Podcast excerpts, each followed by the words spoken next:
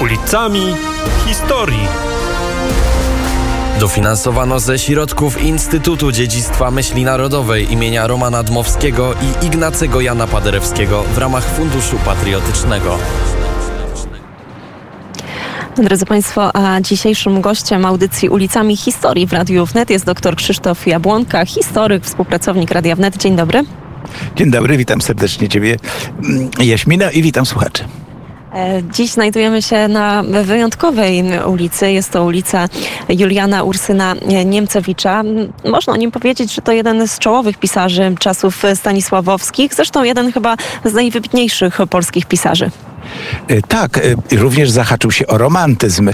Żył w latach 1700 58 aż do 1841, czyli to środkowy już rene, e, romantyzm i trafił oczywiście do, na emigrację do Paryża i tam został pochowany. Ale zacznijmy od samej ulicy. Jest mi bardzo droga ulica, ponieważ ja się na niej wychowałem poniekąd. E, dwie ulice dalej, właściwie jedna przecznica dalej, ulica Sękocińska, no ale nie ma żadnego patrona, to jest od, od miejscowości. Natomiast Niemcewicza jeździła WKD, dawna EKD, elektryczna kolejka dojazdowa. No i za to Niemcewicza była moja szkoła. Więc e, Niemcewicz mi utkwił e, w pamięci, ponieważ musiałem pomiędzy tymi kolejkami jeżdżącymi dość często przemycać się, żeby zdążyć na czas. Tu już słyszę dzwonek, a tu jedzie kolejka. No i ten Niemcewicz mi tak, tak powiem, patronował. Natomiast wróćmy do e, samego e, patrona naszej ulicy. Ulica jest już przed wojną wytyczona w 1925, kiedy przyłączono całą Ochotę w 1915 roku, kiedy wypędzono Rosjan. I wtedy rozdzielano właśnie bardzo patriotyczne nazwy, e, w tym ulica Mianowskiego jest niedaleko, Mochnackiego, no i po sąsiedzku jest i Julian Ursyn Niemcewicz. Jest to człowiek, który właściwie przewinął się przez trzy w sumie epoki. E, oczywiście rozpoczyna i ząbkuje jako można powiedzieć, familiant rodziny Czartoryskich, y, którzy się bardzo z nim zresztą y, troskliwie opiekowali. Był nawet adiutantem y, księcia Adama Kazimierza Czartoryskiego, generała ziem podolskich. Ukończył szkołę oczywiście rycerską i w stopniu porucznika rozpoczął swoją służbę w 1777 roku. Był wreszcie wybrany z Inflant, no, dlatego, że inflanty już zdążyły nie być polskie, ale wybierały posłów na Sejm Wielki i tutaj natychmiast znalazł się w samym oko cyklonu, czyli twórców Konstytucji Majowej. Był jednym ze przysiężonych. 2 maja podpisał specjalną ustawę, że będzie wspierał. No pamiętajmy, konstytucja została trochę tylnymi drzwiami wprowadzona. Była aklamowana, ale nie była głosowana. To jest ta różnica. Zresztą miała prawo, przez aklamację też jest ważny wybór. No a potem założył Towarzystwo Obrony Konstytucji Trzeciomajowej i był jej prezesem. Między innymi należał do takiego sprzysiężenia, które zebrało się w kościele świętej Katarzyny na Służewiu. I tam kupił sobie dworek i wokół niego powstające sady, on był bardzo e, zawziętym e, sadownikiem, prowadził również ogród warzywny, nazwano na jego cześć Ursynowem. Także jest on patronem potężnej dzisiaj dzielnicy, w zasadzie submiasta warszawskiego, e, czyli właśnie Ursynowa. No rzadkie imię, e, chyba jeden papież był Ursyn w całej historii, natomiast oczywiście oznacza po łacinie niedźwiedzia. I mm, dzięki temu drugiemu imieniu nasz pan Julian jest dobrze znany jakby całe jego życie rozkłada się na trzy y, różne dziedziny. Pierwszą z nich to jest działalność polityczna. Bardzo wybitna. Napisał Powrót posła przecież 1792 rok. E, to jest moment tuż po uchwaleniu konstytucji, kiedy ci posłowie wracają do domu i niosą no, zbawienną wiadomość, że Rzeczpospolita będzie ocalona. Druga działalność e, to jest wojskowa i trzecia to jest pisarska bardzo bogata. No, zważywszy, że wydano już dziewięć tomów jego twórczości, a jeszcze końca nie ma, chyba drugie tyle będzie, no nie wiem, czy ktoś to przeczyta kiedykolwiek. Y, rzeczywiście trudno się czyta Mickiewicz, Niemcewicza, ale, no korespondował z Mickiewiczem, ale jego śpiewy historyczne, czy właśnie Powrót Posła, czy kilka innych utworów, y, no na tyle weszły do kanonu naszego, że no nie sposób licealisty spotkać, który by tego dramatu nie czytał, a przynajmniej nie oglądał. Y, a no, śpiewy historyczne wyszły z użytku, ale pamiętajmy, nasi dziadkowie się na nich uczyli historii. Gdy nie wolno było, właśnie pozostały śpiewy historyczne i do nich chociażby Kurpiński czy inni układali melodie niektóre z tych śpiewów się po prostu naprawdę śpiewało. Tutaj Niemcewicz użył słowa śpiewy w formie trenów, y, czyli takich wierszy, które, się, które są e, opowieścią zarazem historyczną, no ale potrafiono z nich zrobić również pieśń patriotyczną. No i najciekawszy utwór, który zdumiał mnie, jak na niego trafiłem, mianowicie e, parafraza, a ściśle mówiąc paszkwil Iliady pod nazwą Głupiada. No i ta Głupiada co opowiada?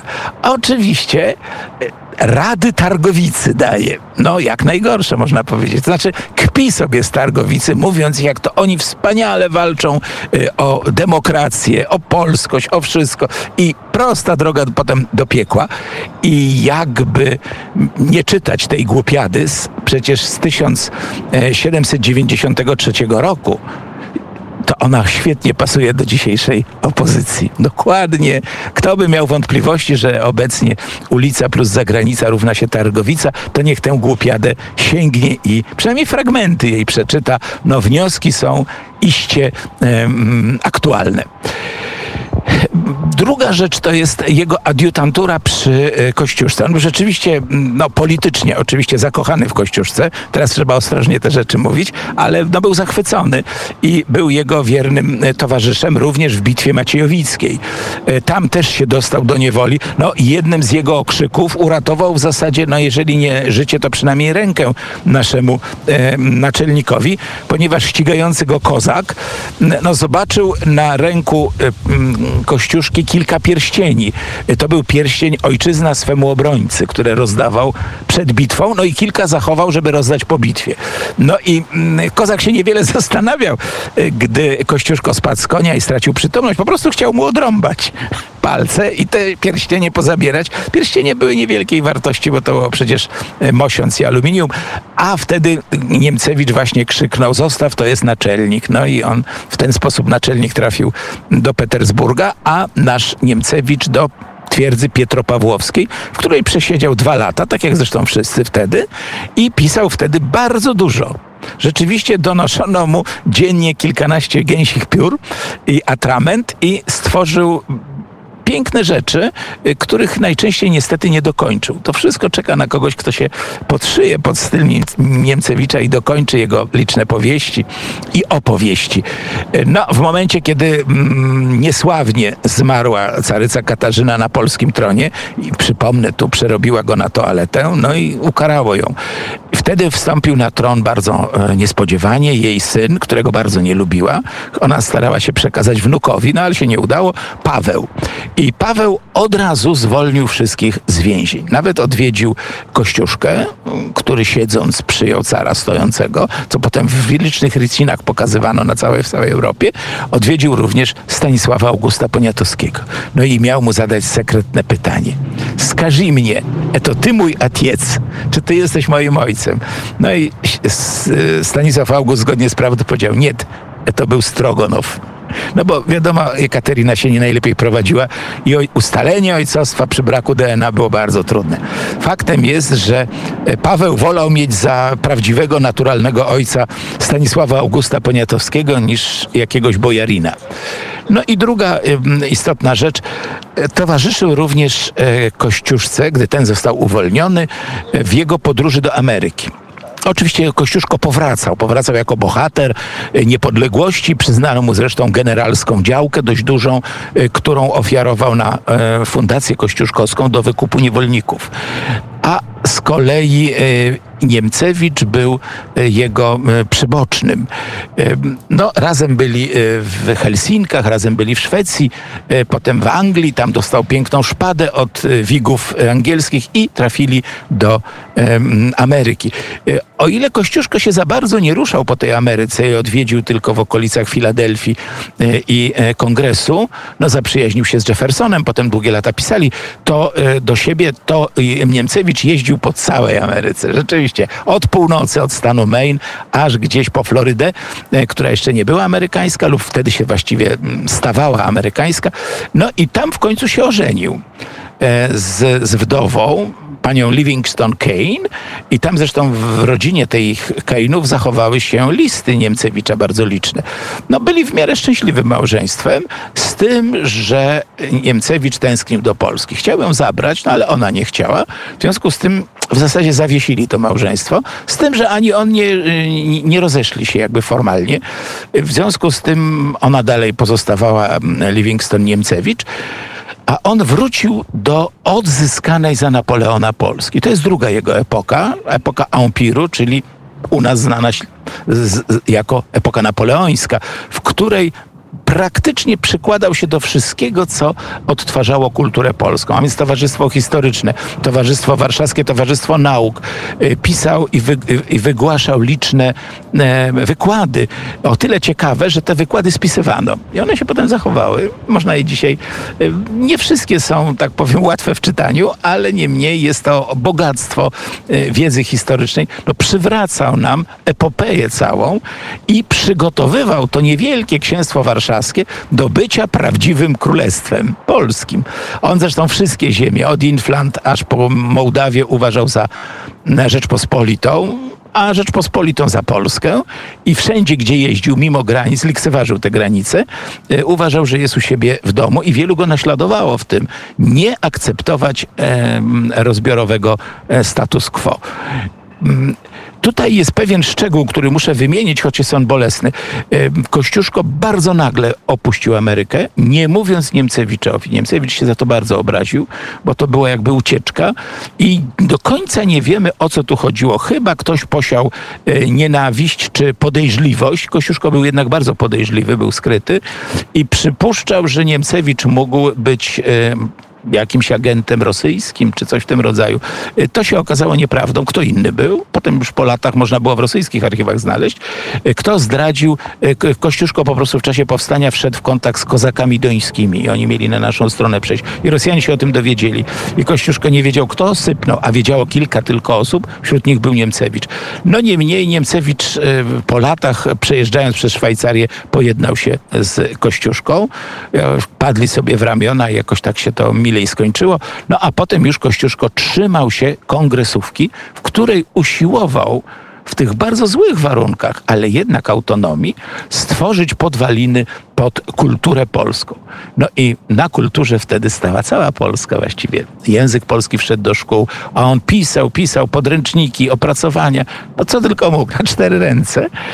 Wybuchło powstanie, przeciwny był powstaniu, ale jak wybuchło, podpisał akt detronizacji carów, za co dostał wyrok śmierci, podpisał wszystko, co jest zgodne z patriotycznym duchem. Sam nie walczył, bo już był wiekowy, ale wyemigrował razem z rządem, zamieszkał na Wyspie Świętego Ludwika i był e, jednym z twórców e, hotelu Lambert, e, czyli popierającego księcia Adama Jerzego Czartoryskiego. I tam dożył już wiekowego stanu i w tysiąc w maju 1841 roku zmarł i został pochowany na cmentarzu Montmorency. Dziękuję za uwagę. E, bardzo dziękuję. To jeszcze tylko jedno krótkie pytanie i bardzo krótka e, odpowiedź. Czy zważywszy na no, ten ogromny dorobek literacki, ale także właśnie na działalność patriotyczną, na działalność wojskową, czy Julian Ursyn-Niemcewicz jest postacią już wystarczająco docenioną, która gdzieś się wystarczająco zapisała e, w pamięci Polaków, czy może jeszcze coś więcej należałoby zrobić, żeby, żeby tą pamięć o nim uczcić? No, sama ulica mało brakowałoby, została zapomniana. Dobrze, że wpadła mi w oko od razu Nie, jemu trzeba postawić pomnik. Ale trzeba to zrobić tak inteligentnie jak Markowi Twainowi. A więc również bohaterom jego powieści, których on, tego posła, który wraca, tych wszystkich, te Ulany i te inne y, postacie. I wtedy ten Niemcewicz ożyje. Dlatego, że to jest piękna postać. On się uważał za Litwina, będąc rodu białoruskiego, a jednocześnie Polaka. A więc jest to dziedzic całej Rzeczpospolitej, dwakroć obojga narodów. Żywy i pełny. I powinien być patronem tych, którzy w sobie noszą dziedzictwo czterech narodów i nie chcą ich dzielić.